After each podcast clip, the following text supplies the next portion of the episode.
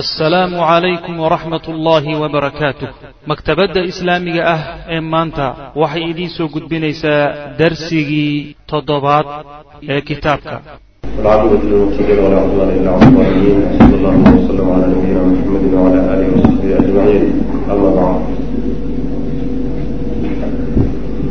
Aa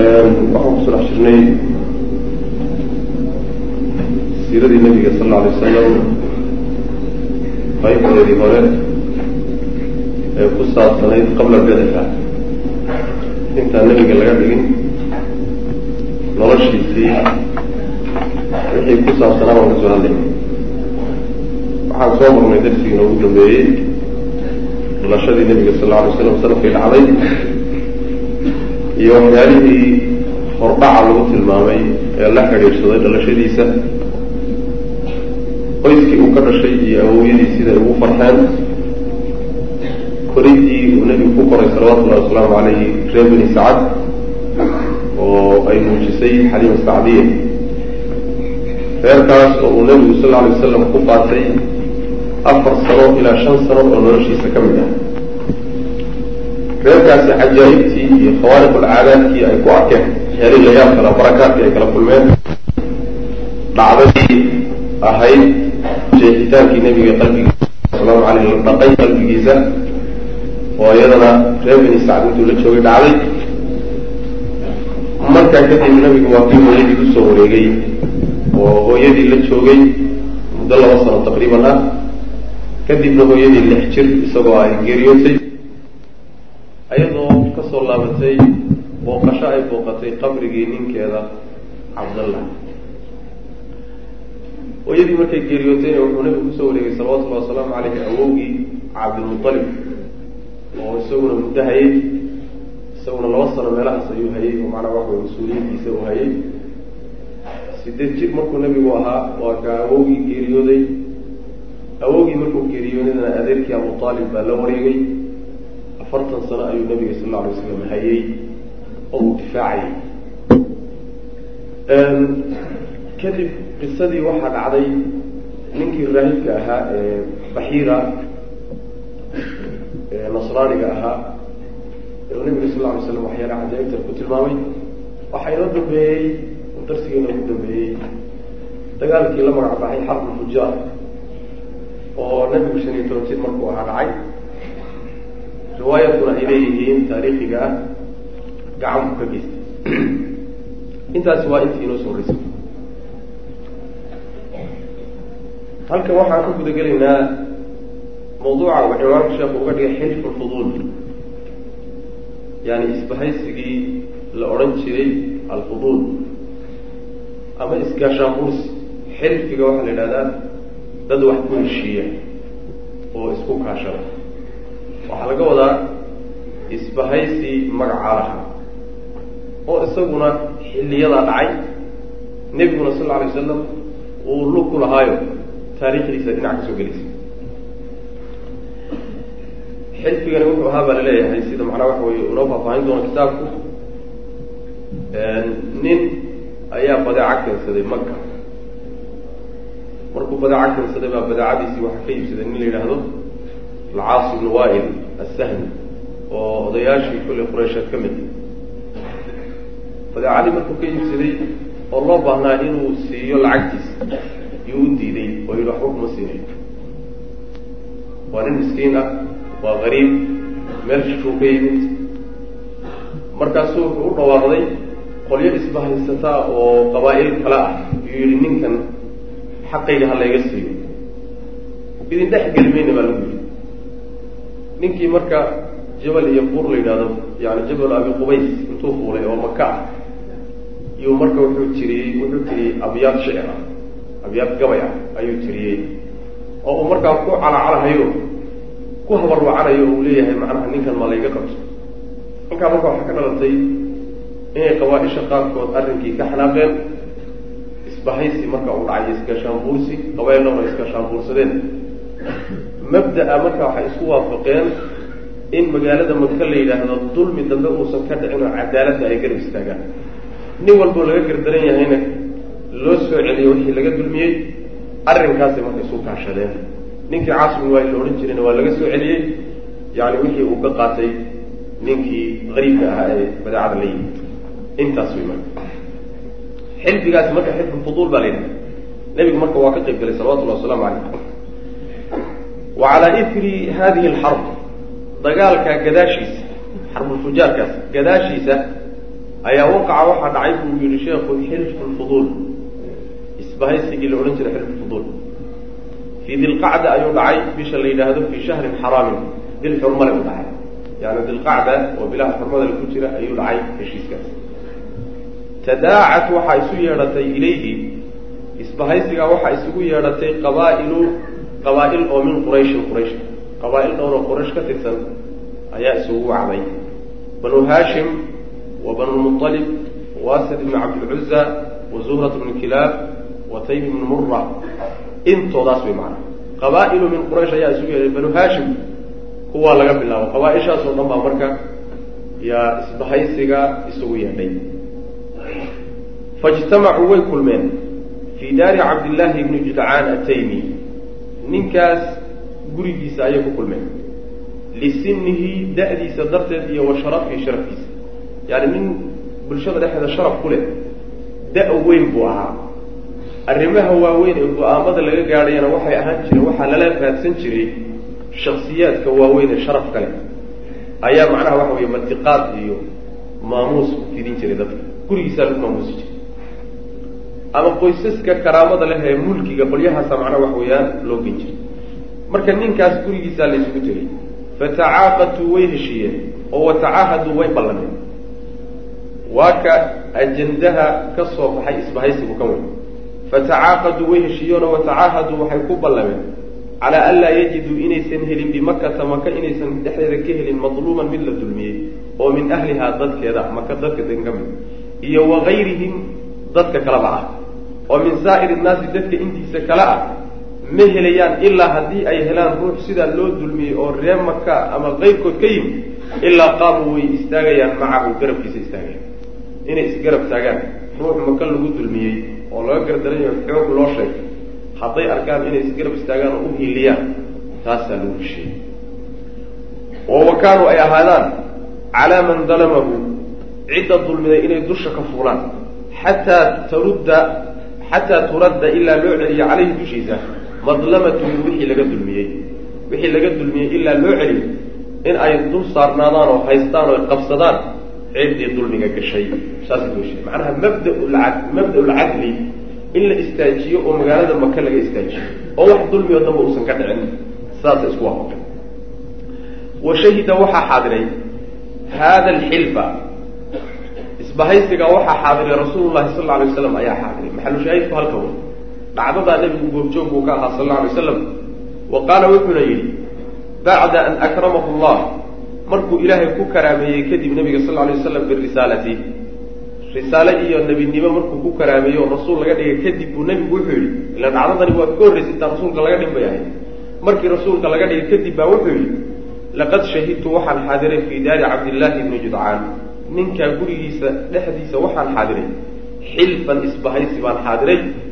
Isbahaysigaasoo maa uxibu aanan jeclayn anna lii inuu ii sugnaado bihi bedelkiisa inay ii sugnaato xumru nicabi yaani nicmooleyda teeda gudguduudan xoolaha kiisa gudguduudan ee ugu qiimo badan in la iigu bedela aanan jeclayn walow ugaca haddii la iigu yeedho bihi xilfigaa iyo isbahaysigaa fil islaami islaamnimada dhexe haddii la iigu yeedhana hadda haddii la iigu yeedhi lahaana la aajabtu waa yeeli lahaa bu nabi salawatullah waslamu aleyh macnaa waxa wey markii uu ilaahay rasuulka ka dhigay nabiga salawatullahi wasalaamu calayh oo afartan kadib ah ayaa wuxuu markaa yuu ka dhawaajiyey wuxuu ka dhawaajiyey qiimaha uu ku fadhiyey heshiiskaas meeshaa ka dhacay iyo isbahaysiga qabaa-ishaas isbahaysteen oo uu macnaha ku tilmaamay markaa wax uu ku bedelan lahaa inuusan jirin. Xoolaha kuwa ugu qaalisan xumru nicam waxa weeyaan xoolahooda kuwa ugu qaalisan ugu qiimo badan way maana kuma bedeshay bu nabigu salawatullah waslamu aleyh haddii is hadda oo aan islaam ahay oo aan rasuul aan ahay la ii yeedhi lahaana oo ka soo qayb gala dhiilaha kaasoo kalena waa ka qayb geli laha nabigu salawatullah waslamu aleyh maxaa looga qayb gelaya macnaha wuxuu uga qayb gelaya dadkan yani isbahaysiga samaynaya gaalabaha ahay laakiin mabda ay taqriirinayaan ee ay ku heshiinayaan iyo ajendaha wuxuu yahay ajendo oo sax. Saas wey cadaalad in dadka madluumiinta la isgarab taago laga gardaran yahay waa mabda adyaanta samaawiguna ay la timid caqliga saxiixuna uu keenayo taasi marka waxay kutusaysaa haddii shirarka qaarkood ay dad ama aan islaam ahayn ama dad macnaha waxa weeye muslimiin oo cusaad ah ay mabaadi'da islaamka qaar ka mid a ama mabaadi'da bashariga ee saxda qaar ka mida ay ku heshiinhayaan in laga qayb galaayo inaysan dhib lahayn macna in laga qayb galo inaysan dhib lahayn oo lagu taageero macnaha mabda'a cadliga oo kaleeta macna. Xadiidku waa xadiid saxiixa weeye laba dariiq oo mursalana wuu ku soo arooray. Dariiq marfuucana wuu ku yimado imaam axmed uu wariyey. Marka xadiidku duruqdiisa marka la isu geeyo waa xadiid saxiixa. Wa hada alxilfu isbahaysigaasina ruuxuhu ruuxdiisu waxay ahayd tunaafii mid diideysa ayay ahayd alxamiyata santaagga aljaahiliyata ee jaahiliga xamiyada macnaha waxaa la yidhahdaa kibirka iyo islaweynanka iyo santaagga la yidhahda santaaggii jaahiliyadu ay santaagi jirtay ayay iyo kibirkii ku jiri jiray ayuu xilfigaasi ka soo horjeeda wa hada alxilfu ruuxuhu ruuxdiisu. Tunaafi mid diidaysa way alxamiyata aljaahiliyata anafada iyo santaagga jaahiliga allatii midaasoo kaanad ahayd alcasabiyatu casabiyadu tutiruhaa mid dhaqaajisoo kicisa. Yacni anafada iyo santaaggaasi iyo kibirkaa waxaa kicin jiray casabiyada. Casabiyada waxa la yhahdaa shay in loo tacasubo khaasatan nasabka iyo qabiilka iyo loo tacasubo aya la yhahda casabiyadaasaa marka kicin jirtayo yani waxa wey yaa ree hebel ah. Wallahi yaa ree hebel ah ayaa kicin jirtay anafadaas iyo macnaha xamiyada. Xilfigani marka wuxuu ka soo horjeedaa kaasuu ka soo horjeeda oo waxaa loo kala adkaa oo laisu dulmin jiray ninba ninkuu ka xoog badan yahay qabiilba qabiilkuu ka laadheeraysan yahay oo ka xoog badan yahay oo ka cudud weyn ayuu macnaha waxa wey dulmin jiray oo cagka saari jiray kaasuu marka ka hortegay wa yuqaalu waxaa la yidhahda fii sababi hada alxilfi. Isbahaysigaa sababku ku yimid waxaa la sheegaa ana rajula nin oo min zubayr. Ama zabiid qabiil qabiiladaa ka dhashay ayaa qadima wuxuu soo galay makata ayuu soo galay bibidaacatin badeeca ayuu la soo galay nin qabiilkaa ka dhashay baa waxoogaa badeeca maka la yimid. Washtaraaha waxaa ka iibsaday minhu xaggiisa alcaasi bnu wail sahmi caasi bnu wail sahmi ninka la yihahda ayaa ka gatay. Wa xabasa canhu wuxuuna u diiday xaqahu xaqiisa u diiday. Waxaan kusiinay ma jiro xoog wey waa kaa qaatay. Fastacdaa ninkii la dulmiyey fastacdaa wuxuu u kaalmaystay calayhi cala alcaas. Caas dushiisa wuxuu u kaalmaystay alaxlaafa isbahaysatooyinkii cabdadaar wa makhzuuman wa jumuxan wa sahman wa cadiyan qabaa-ishaasoo iyaguna isbahaysi lahaa iyo isgaashaan buursi ayuu marka yani waxa weeyaan u kaalmaystayo warmiyahu ninkaa xaqiga ha laga siiyo waa isbahaysigii aan soo marnay xilfiga galay mid aan ahayn ilan qabaa-ishu way islan jireen oo way isla dagaalami jireen dagaalkaasa marka wuxuu keeni jiray inay siyaasaad isbahaysi ay sameeyaanoo isgaashaan buursadaan ree hebel iyo ree hebel sanadka isgaashaan buursadaan haddana isku dhacaano qolyo kale isgaashaan buursadaanoo dagaalka isla galaan oo wixii dhibka ku yimaado macnaa waxa weyaan saasay ahaan jireen marka isbahaysi ay qabaa-ishaasi ku jiraan ayuu marka wuxuu ka dalbay inay uga garsooraan ninka kadaata xolihiisi ka qaatay. Falam yaktarifuu ma aysan u aabayeelin nafku isaga. Wax aabayeela dheg dheg jala dhegba jalaq maysan usiin dhadhawaaqiisii way maqlayeen laakiin warba mayna ka hoos qaadinba maca facalaa wuxuu fuulay ninkaasi jabala abi qubays buurtaasuu fuulay. Waa buur maka ku taala wanaadaa wuu dhawaaqay biashcaarin ayuu ku dhawaaqay gabayo. Yasifu uu ku safaynayo fiiha dhexdeed dalaamatahu dulmiga laga galay. Raafican xaaluu kor u qaadayo sawtahu sawtkiisa oo kor u qaaday. Wuu dhawaaqay. Abyaad macnaha shicir uu tiriyeyo oo uu leeyahay dulmiga laga galay iyo sida looga gardaran yahay iyo uu ku tilmaamayo ayuu marka ku dhawaaqay fa mashaa waxaa socday fii dalika arrinkaa dhexdiisa marka waxaa ku socday oo dhaqaajiyey azubayr bnu cabdilmualib ninkaasaa adkaysan waayo.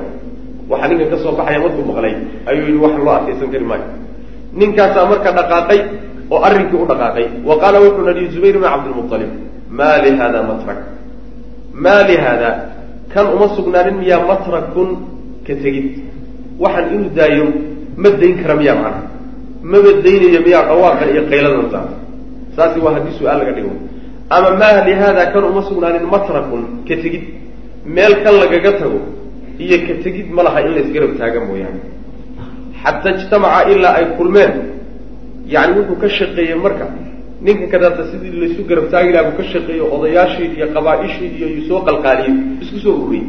Xataa ijtamaca ilaa ay soo kulmeen aladiina kuwii ay soo kulmeen madaa uu hormaray dikruhum sheegitaankooda fii xilfi lfuduul uu ka hormaray qolyihii hadda magacyahoodii aan soo sheegnay ilaa uu isu soo ururiyey ayuu ka shaqeeyey zubayr bn cabdilmualib arrinkaa isaga qolyahaasi waa qolyihii xaggan ku soo marno banu hashim iyo banulmualib iyo asad ibn cabdilcuza iyo zuhrat ibni kilaab iyo taymun murra iyo qabaa-ishaas ilaa uu isu soo ururiyey macana faqaamuu way istaageen. Ila alcaasi ibni waail bay isu taageen. Caasi ibni waail bay aadeen faintazacuu waxay ka soo qaadeen minhu xaggiisa xaqa zabidiy ninkii zabidiga ahaa xaqiisii bay ka soo qaadeen bacdamaa abramuu markay gooyeen kadib alxilfa isbahaysiga isbahaysigii markay go'aamiyeen oo heshiiskii dhacay kadib tilaabadii ugu horreeyey ku fuliyeen wuxuu noqday in caasi ibnu waail laga soo celiyo xaqii uu ka qaatay ninkii zabidiga ah saas way macana oo isagay ku fulay isbahaysiga go'aamadiisii kow ku fulay isagu ahaa macana alcaasi ibnu waailkaas nin dhib badan buu ahaa oo dulmi badan oo dadka dulmiyuu ahaan jiray waa ninkii dulmin jiray asxaabi la odhan jiray khabaab. Yani khabaabka laftiisu wuxuu ahaa nin birtuma buu ahaa tumaal birtu tuman jiray. Caas ibnu waail buu marka bir u tumay. Waana muslim markaas. Markaasuu yihi niyow isii wixii daad khidmadeyda isii markaasaa wuxuu yihi ilahi waan ku dhaartay inaanu kusiinayn ilaa maxamed aad ku gaalo kufri horta. Gaalow markaasaa wuxuu ku yidhi ma kufriyahay ilaahay baan ku dhaartay inaanan kufriyaynin ilaa intaad ka dhimato lagu soo saaro. Markaasuu yidhi cajiib oma intaad dhintaa weliba laysoo saari doonaa miya haabu marka inta laysoo saaro carruur iyo xoolo badan baa markaa laysiin doonaa insha allahu. Markaas ayaan wa xaqaaga ku gudi doonaa. Bu istihzaa maanaa jees jees musaa waley xoolahaaga markaa iga soo raadsin waa midda waxaa la yidhahdaa culimadu ay yidhahdaan ay ninkay ku soo degta wey afara'ayta aladii kafara biaayaatina wa qaala la uutayanna maalan wawalada aطalaca algayba am ittakada cinda araxmani ahda aayaadkaasi ninkay ku soo degeen inuu yahay baa la sheegay maa marka nin dulmi badan oo dhib badan ayuu ahaa odayna ah. Xayaatu lkadxi halkana waxaa laga guda gelaya noloshii adkayd ee nebigu sal alla alay wasalam uu ku noolaa maadaama uu agoonna noqday rajay noqd noqday. Nin xoogsida ayuu nebigu noqday salawatullhi waslamu aleyh wuu xoogsan jiray. Xoogsigiisii baa marka waxaa lagu tilmaamayaa inay nolol waxoogaa yaro adag inay ahayd. Kadxiga waxaa la yidhahdaa alsacyu waljahdu fi lcamal yani inuu ruuxu dadaalo oo weliba camalka uu ku dhibaatoodaa kadxiga la yidhahda inaka kaadixun ilaa rabbika kadxan waa ti aayadda qur'aanku ahay yani waxa weeyaan shaqada adag shaqo adag baad adduunka ka qaban ilaa aada rabbiga u tagto macana sidaas wey marka xayaatulkadxi noloshii adkayd ee dadaalka ku dheehnayd ee nebigu sal alay slam uu ku noolaa saasuu ciwaanka uga dhigay.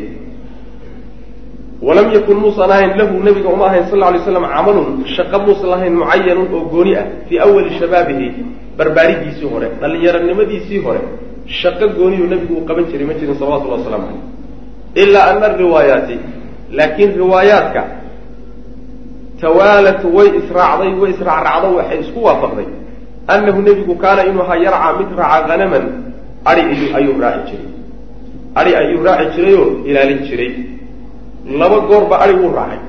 Midda koobaadi waxa weye raacaha wuu raacay aiga fii bani sacdin. Reer bani sacd markuu la joogay hooyadii xaliima xaliimatu sacdiya markuu la joogay markaas aiga waa raaci jiray oo waxoogaa wiil kobaca uu noqday.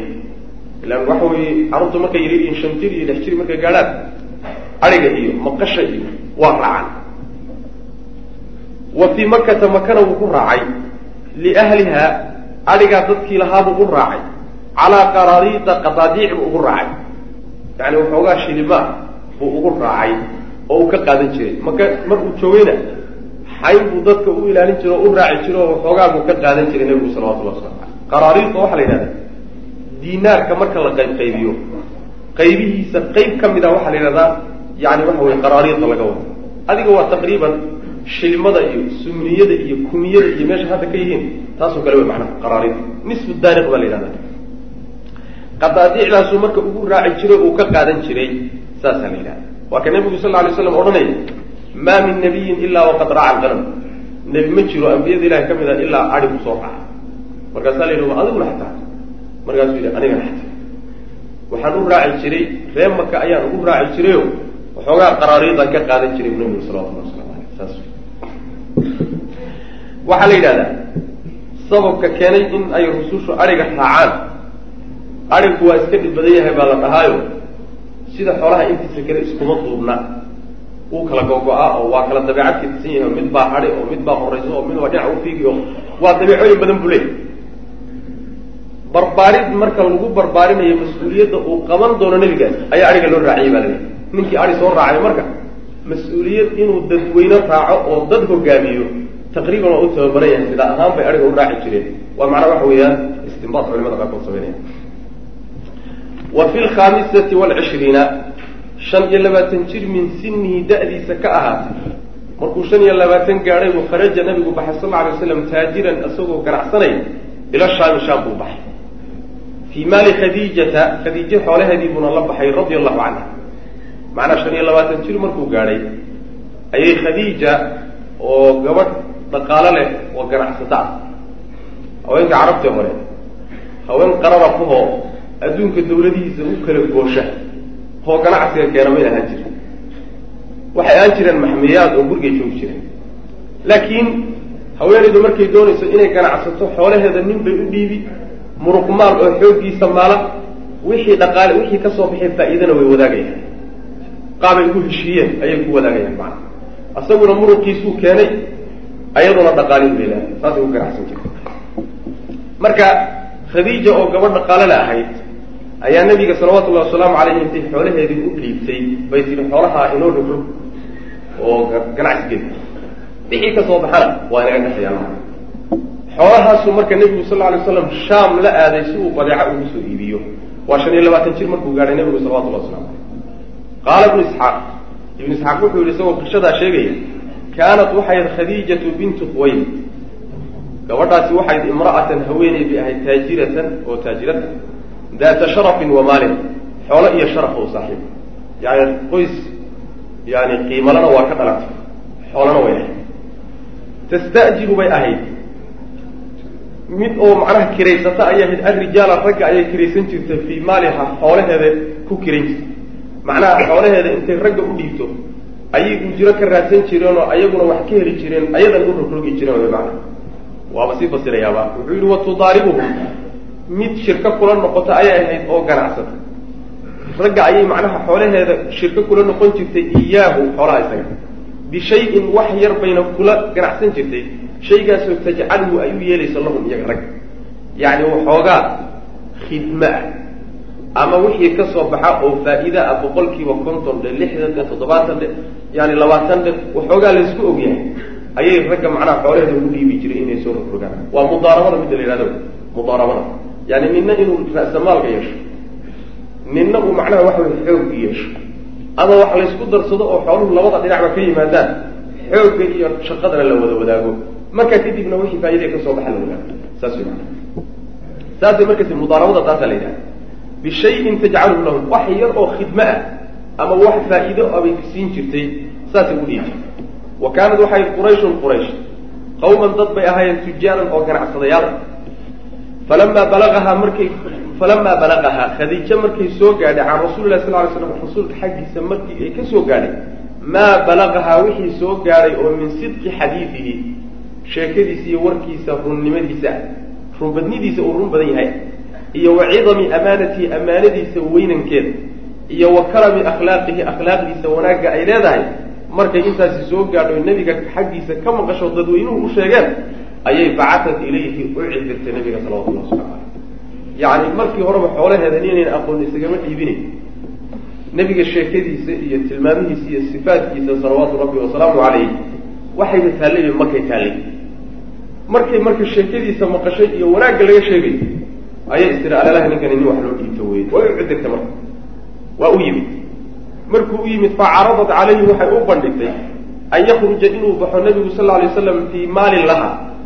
Xoolo iyadu ay leedahay inuu la baxo ilaa shaami shaam inuu la aado taajiran asagoo macnaha ku ganacsanay xoolahan qaad inoo rogrog saasay ku tiri wa tucdiyahu inay siisay u bandhigtay afdala maa kaana waxay ahayd wax ka fiican tucdi mid siisa hayrahu isaga cidaan ahayn oo min atujaari ganacsiyaasha dadka kale ee xoolaha rogroga qiimaha la siiyo iyo waxa la siiyo wax ka badan inay siinaysana way u ballan qaaday saas way maana ila ninku nin ragga la siman ma ah.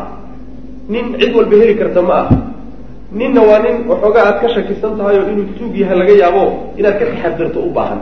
Kaasoo kale markaad shaqo gelinayso waxoogaa macnaha waxa weyaan ma dadkiisa ubu ka mid yahay laakiin nin rag oo la heli karin ammaanadiisa iyo kartidiisa iyo raganimadiisa markaad shaqo gelinayso waa inaad wuxuu kuugu xisha aad siisa macna oo aad dadka intiisa kaleeto macnaha kaga cegsato saas way macna marka waxay u ballan tucdiyahu inay siinayso afdalo wax ka fiican maa kaanad waxay ahayd tucdii mid siisa hayrahu oo min atujaari maca hulaamin inuu la baxo ayay u bandhigtay waxay u bandhigtay xoolaheeda inuu la baxo oo uu qaado maca hulaamin wiil isagoo oo la socdo wiilkaasoo laha iyada u sugnaaday.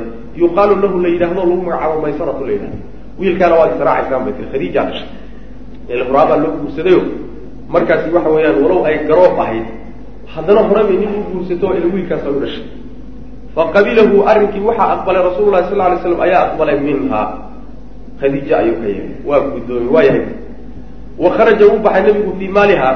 Xoolaheedii ayuu la baxay dalika ekaas wa kharaja waxaana raacay macahu la jirankiisa hulaamuha wiilkeediina uu raacay maysaratu ah xataa qadima shaama ilaa uu shaam soo galay yani ilaa uu shaam yimid nebigu salawatullah waslamu aleyh u tijaaradii uu shaam geeyey.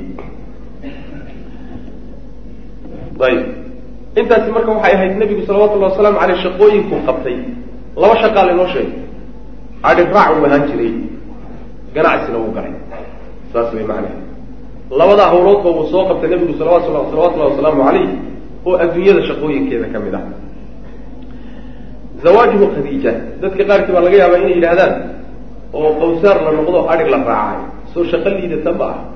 Shaqo liidata ma ah. Wax shaqo wey wax alla wixii shaqo ah ee naftaada aada ku dambarayso ibni aadamkana aada kaga kaaftoomayso waa loo baahanya dad baa waxay ka fadilayaan in ay wax dhacaan ama tuugsadaan ama wax shaxaadaan bay ka fadilayaan inay shaqooyinka qaarkood qabtaan. Nebiyadii allana subxaana wa tacaala shaqooyin bay qaban jireen oo ayagaa gacmahooda wax ku soo saaran jiray ilaa ay adhiga raacaan oo macnaha ay yani meeshaasi waxooda ka daydaan. Saasaa loo baahanya. Laakiin waxa weye dabeecadda in macnaha un layska ahaado un layska dulseernaadaa dabeecaddaasi waa dabeecad laga fiican yahay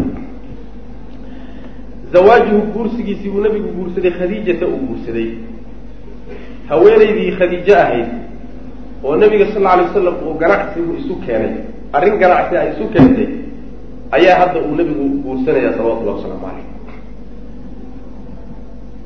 walamaa rajaca markuu soo laabtay nebigu ilaa makata markuu u soo laabtay macnaha sheekadu waxa weeye markuu nebigu ka soo laabtay xoolihii uu shaam geeye la soo laabtay oo uu maka ku soo laabtay maka u yimid. Xoolihii ganacsi waxaa laga helay faa-idooyin aada fara badan baa laga helay ammaano badan iyo run badan iyo macnaha waxa weeyaan kalsooni badanna way ka heshay markaasaa waxay u bandhigtay khadiija go'aan waxay ku qaadatay inay wiilkan yarka ah markaasi ay guursato. Gabadh aada u sharaf badanna way ahayd. Oo iyadoo weyn oo marka afartan jir ba ahayd taqriiban. Afartan jir iyadoo ah. Haddana waxa weeye ragga rag ninka nin ka tegey oo dhaqaale iyo qoys iyo dhinac walbaba macnaha aan lagu gaadhin ragga ugaasida iyo salaadiinta ah intay soo doonaan bay yani waxa weeye cagta kurban jirta diidi jirtay markas gabadh saasay ayado aan macnaha dooda la gelin karin. Marka waxaa la qumanaatay inay wiilkan yarkaa uusan dhaafin sharafkiisa iyo qiimihiisa ugu xilatayo inay guursato ayay guddoonsatay farintii marka la gaadhsiiyana nabigu waa guddoomiyey salawatullahi wasalaamu caleyh oo laftiisu macnaha waxa weeyaan arrinta laftiisu waa jecla marka adeeradii buu marka u sheegay adeeradii baa arrinkii ka shaqeeyey odayaashii baa isu yimid xafladii guurkaa la qabtay sidii baa nabigu guuriyey khadiija radia allahu canha waardaha walamaa rajaca markuu soo laabtay nabigu sal lla alay waslam ilaa makata maka markuu u soo laabtay oo waracad ay aragtay khadiijatu khadiija fii maaliha xoolaheeda dhexdooda ay ku aragtay min alamaanati iyo walbarakati amaanada iyo faa'iidada faraha badan maa lam tara waxaysan arag qabla haada kan horti waxayna hadda ka horba arki jirin ayay xoolihii ku aragtay amaanada uu u soo gutay iyo faa'iidada iyo barakada faraha badan ee laga helay. Taa markay aragtay oo wa akhbarahaa uu u warramay hulaamuhaa wiilkeedii u warramay maysaratu ah bimaa ra'aa wuxuu arkay fiihi dhexdiisa oo min khilaalin cadbatin yani arrimo macmacaan ah. Arrimo macmacaan ah. Yani wiilkii ay raacisay oo ganacsiga la galo shaam la aaday ilan socotada marka la yahay inta badan waxaa soo baxa ruuxa dabeecadiisa asalkaaba soo baxa meesha laysku barto deriska iyo socotada laysla galay iyo kuwaas. Marka socotadii uu la galay ayuu isaga laftiisu aada ugu bogay. Markuu soo noqdaybu marka khadiijo uga warramo wuxuu wuxuu u sheegay wuxuu ku arkay oo min khilaalin cadbatin arrimo aada macaan iyo wa shamaa'ila akhlaaq kariimatin oo wanaagsan iyo wa fikrin fikirkaasoo raajixin xoog badan. Fikir macnaha xoog badanoo aada u qiimo leh. Iyo wa mandiqin hadal saadiqin oo run ah. Iyo wa nahjin dariiq amiinin oo aamina macna. Intaasoo dhan buu uga sheegay oo uu ku arkay socotadu la galay markii intaasi ay heshay ayaduna aba xoolihiiba macnaha waxa ka soo baxay aada u qanciyay sheekadaana uu maysana uga soo sheegay. Markaasay wajadad waxay heshay khadiija. Daallatahaa baadideedii bay heshay. Almanshuudati almanshuudata ee la haybaarinayay baadideedii la raadinhayey ay doonaysayba kii markaa heshay macna manshuudada waxaa la yidhahda min nashada baa laga keenay baadida marka la yaahdiyo ama la yaboogiyo ama la haybaariyo ayaa la yidhahdaa macnaha waxa wey nashada la yidhahda macnaheeda waxay waxay ka wadaa khadiija nin bay raadinaysay ninkii baa marka waxaa laga dhigayaa sidii baadi ka luntay oo kaleeto markay nebiga heshay salawatullahi wasalaamu caleyh baadideedii ay goobaysay hayadoo heshay oo kale marka ka dhigantay saas wey wa kaana waxay ahaadeen assaadaatu yacni salaadiinta iyo waru'asaau madaxduba yaxrisuuna kuwa ku dadaala ayay hayaan calaa zawaajiha guursigeeda inay khadiijo guursadaan. Fata'baa way diidi jirtay calayhim dalika arrinkaa way ku diidi jirtay. Fataxadatat way warrantay seebay marka ma iyadii baa u tagtayoo niyo guur baan kaa damacsanahay tir mise jid kalay martay may cidda u dirtay fataxadatat way sheekaysay. Bimaa fii nafsiha waxaa qalbigeeda ku jira waxay u sheegtay. Ilaa sadiiqatiha saaxiibteed bay u sheegtay. Nafiisatu binti munaya gabadhaasoy saaxiib ahaayeen bay u sheegtay arrinkii in wiilkaas damac uu ka hayo guurkiisa. Wa haadihi middan nafiisa-an dahabad way aaday ilayhi nabiga ayay aaday sal alla alay waslam tufaatixuhu iyadoo ku furaysa oo ku bilaabaysa an yatazawaja inuu guursado khadiijata. Markay saa ugu tagtayba waxay ku bilowday war baan ku wadaa. Gabadh noocaasa islaantii khadiijo ahayd yaa doonaysa inaad isguursataan. Warkaasi ku fa radiya nabigu waa ku raalli noqday bidalika arrinkaa waa ku raalli noqday. Wa kallama wuxuuna la hadlay acmaamahu adeeradii. Ilaan hawsha hawl haween mehe hawl rag wey mar hadduu heshiiskii maca in laysguursado ay noqotay. Waa in marka waxa wey odayaashu ay galaano xaflo la yaqaano inay meesha ka dhacdo wey macana wa kallama wuxuu la hadlay nabigu acmaamahu adeeradii fadahabuu way aadeen ilaa cami khadiijata khadiijo adeerkeed bay aadeen wa khadabuuhaa ilayhi wayna u dooneen nabiga salawatullahi waslamu aleyh wa calaa idri dalika arrinkaa gadaashiisa ayaa tama zawaaju guurkii guntamay guurkii halkaasu marka ku dhamaystirmay inta laysii wado odayaasha isu yimaadeen ayaa caqdigii halkaa ku dhamaystirmay wa xadara alcaqda guurka waxaa soo xaadiray oo ka soo qayb galay munaasabadda banu haashim wa ru'asaau mudar mudar qoyskii weynaa odayaashiisii oo dhan iyo reer banu haashim oo dhan baa meesha ku idin. Maxaa yeelay munaasabadda munaasab weyna wadalika arrinkaasina dhacdadaasi waxay ahayd bacda rujuucii soo noqoshadiisii kadib min ashaami uu ka soo noqday bishahrayni laba bilood.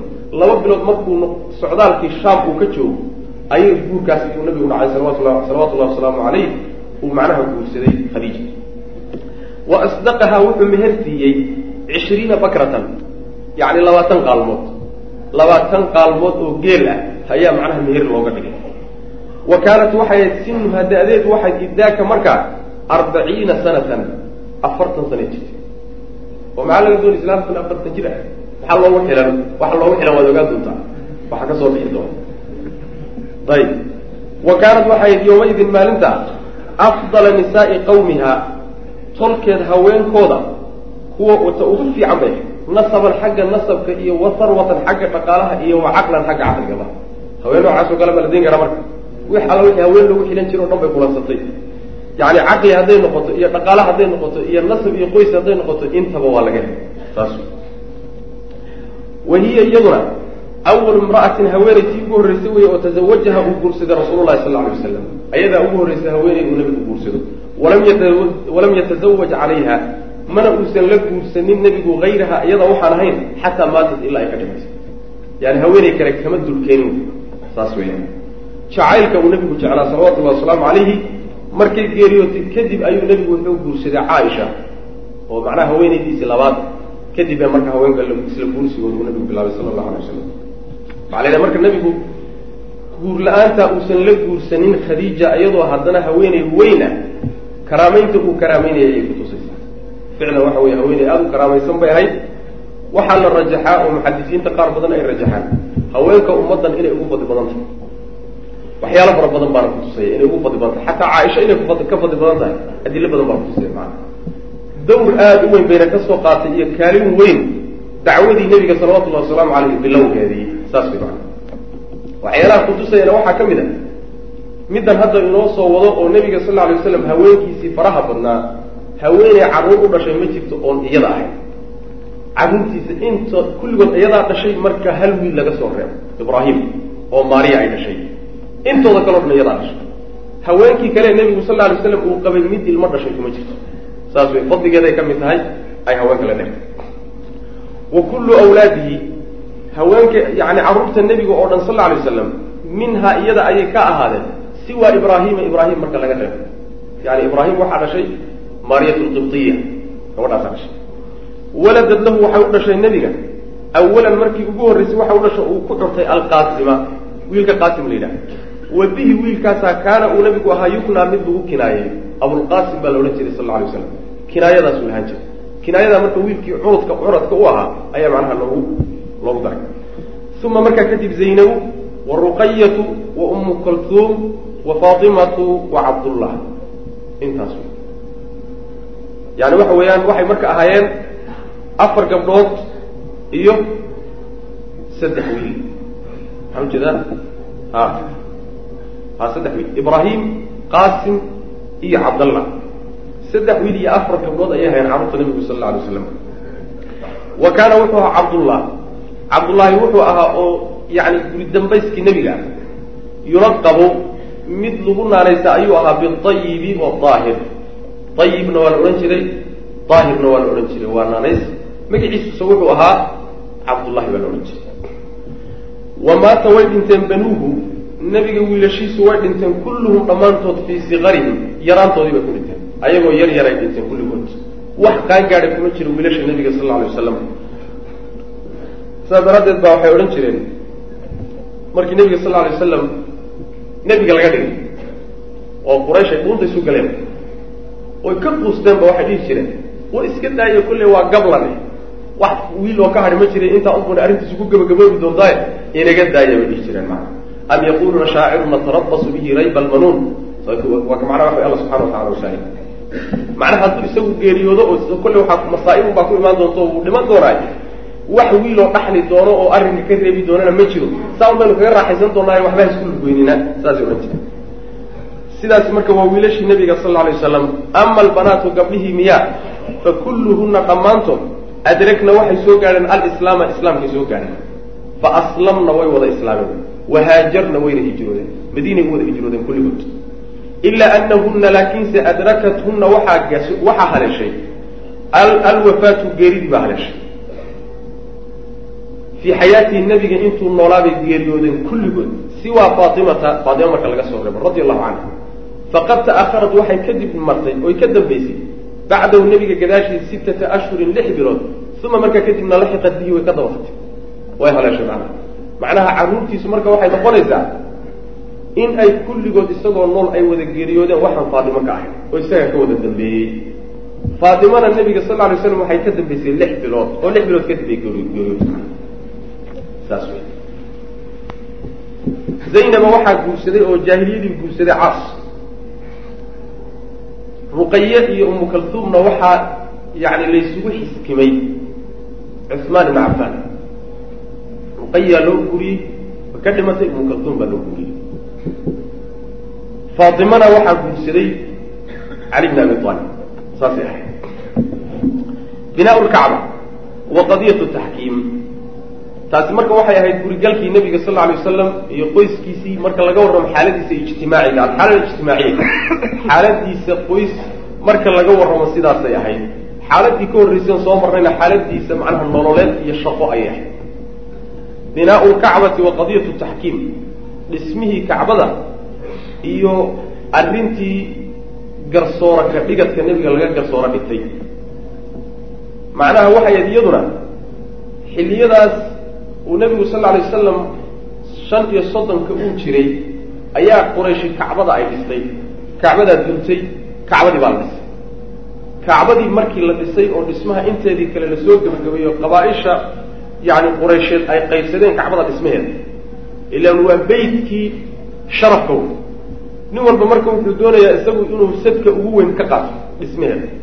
Berritana waa laysugu faari doonaa marka waa la qaybsado waxaa la yidhi qolo walba inay dhinac kacbada ka mida dhis xoolaheeda xoolihii lagu dhisi lahaa ay keento dhagaxyaanteedii waxeedin ay soo diyaarsato markii la soo dhiso kacbada la dhisay meeshii xajarul aswadkana la joogo ayaa marka waxaa la isku qabsaday yaa saaraya halkaas ninkii halkaas saari lahaa baa loo baahanya qabiilkee annaga maya annaga maya waa la isku qabsaday.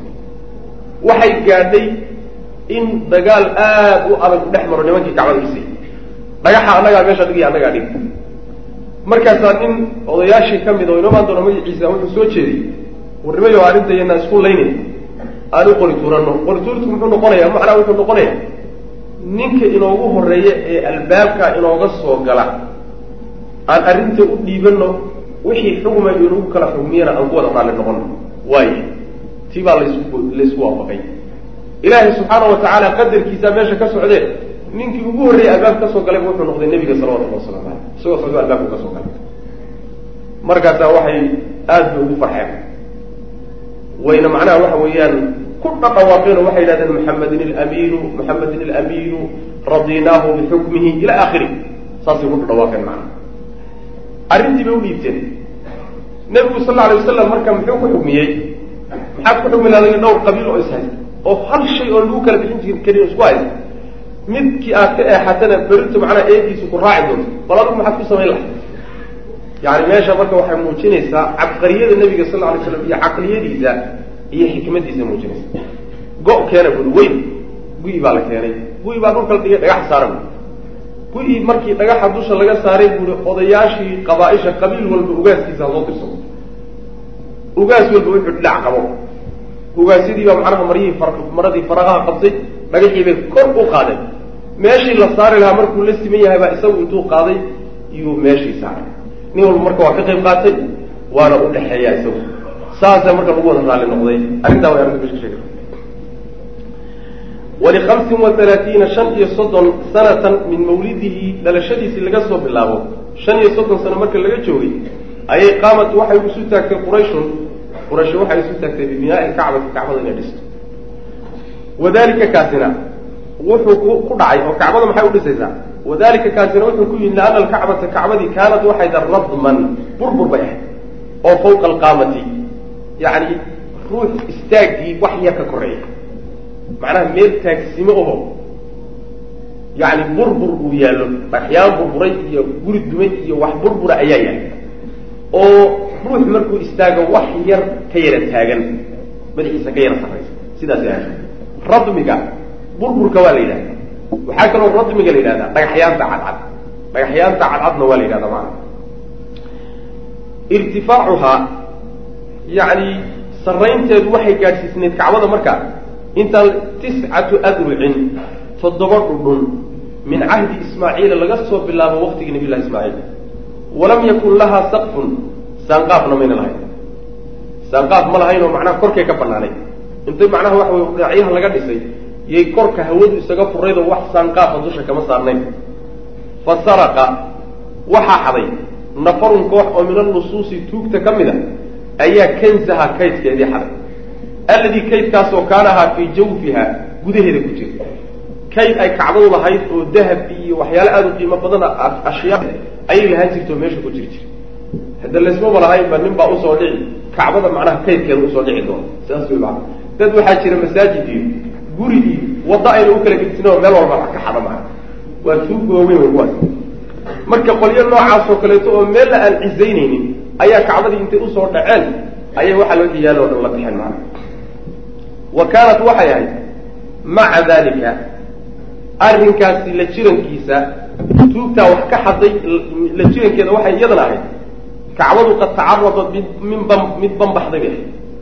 Oo u banbaxday biictibaariha aharan qaadiman aharan qadiiman marka la fiiriyo ahaanshaheeda ay tahay raad hore oo ummado hore ka tageen fiiradaa la fiiriyo markii saa loo fiiriyo waxay u banbaxday lilcawaadi waxyaalaha caadiga ee dhista waxyeela cawaadida waxaa la yidhahdaa dabaylaha iyo roobabka iyo daadadka iyo waxyaaladaasa cawaadi la yidhahda marka waxyaalahaasi u banbaxday oo oo ku yimid waxyaalahaasa ku yimid haddana weliba iyadoo ay jirto inay ahayd yacni raad hore iyo dhismo hore oo ummado hore ka tageen macnaha iyadoo duqowday oo muddo soo jirtay ayaa haddana waxaa ku yimid waxyaalaha cawaadida ehe dabaylo iyo roobab iyo daadad iyo waxyaala noocaasa ku yimid.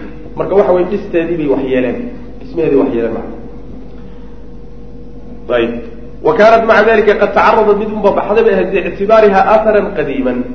Fiiradeeda la fiiriyo ay ahayd yani raad hore waxay u banbaxday lilcawaadibi u banbaxday allatii cawaadidaasu adhad jilcisay bunyaanaha dhismaheeda jilcisay oo wasadacad dildilaacisay judraanaha yani derbigeediina dildilaacisay derbigiina way dildilaacisay dhismihiina way jilcisay cawaadidaasi dabaylaha iyo roobabka iyo waxyaalahaas wa qabla bictatihi soo saaridiisa ka hor nabiga la soo saaro nebi laga dhigay ka hor bihamsi siniina shan sano waa soddon iyo shantii wey. Soddon iyo shan buu markaa jira waa tii hore lagu soo sheegay wey. Maxaa yeelay afartan markuu jiray baa nabiga sal lla alay waslam yani nebi laga dhigay. Wa qabla bictatihi bikhamsi siniina shan sano ka hor intaan nebiga laga dhigin ayaa jarafa waxaa xaad qaaday. Makata maka waxaa xaad qaaday saylun daad carimun oo aada u adag aada u daran. Yani jarafa waxaa la yidhahda markuu uu daadku intuu derbiyada gaadho derbiyada weliba uu xoqo ayaa la yidhahda macana marka daad weyn carimkana waxaa la yidhahdaa daadka aan laiska celin karaynin baa la yhahda maana tii aayaddu macnaha qora sayl alcarim waa kii macnaha ahaa. Daadka macnaha xooga badana dadku aynan la moosi karin oo laiska celin karin baa laga wada daad noocaasoo xoog badan baa marka maka ku dhuftay.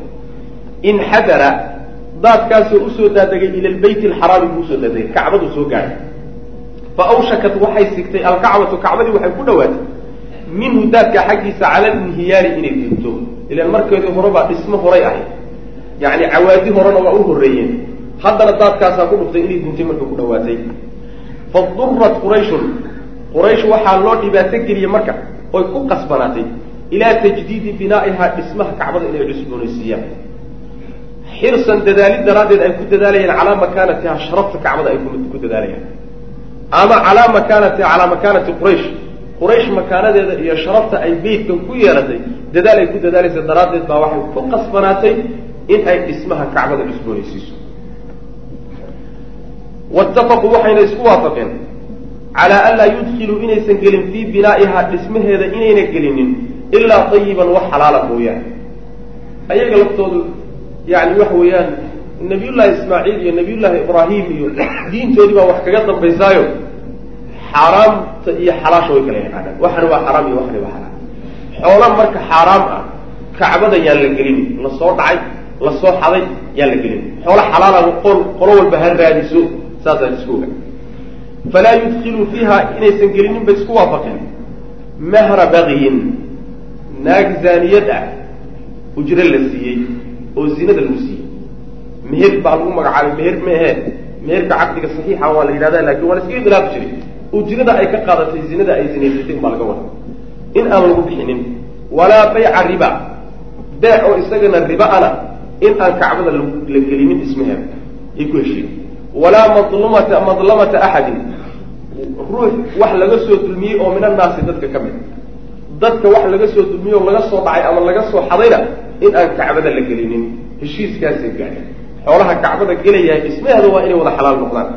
Taasaa macnaha marka hore ugu horreysay wa kaanuu waxay ahaayeen yahaabuuna kuwo ka haybaysta ay ahaayeen oo ka cabsada hadmaha duminteeda ilan waa meel macnaha muqadas awey fooda lama geli karo.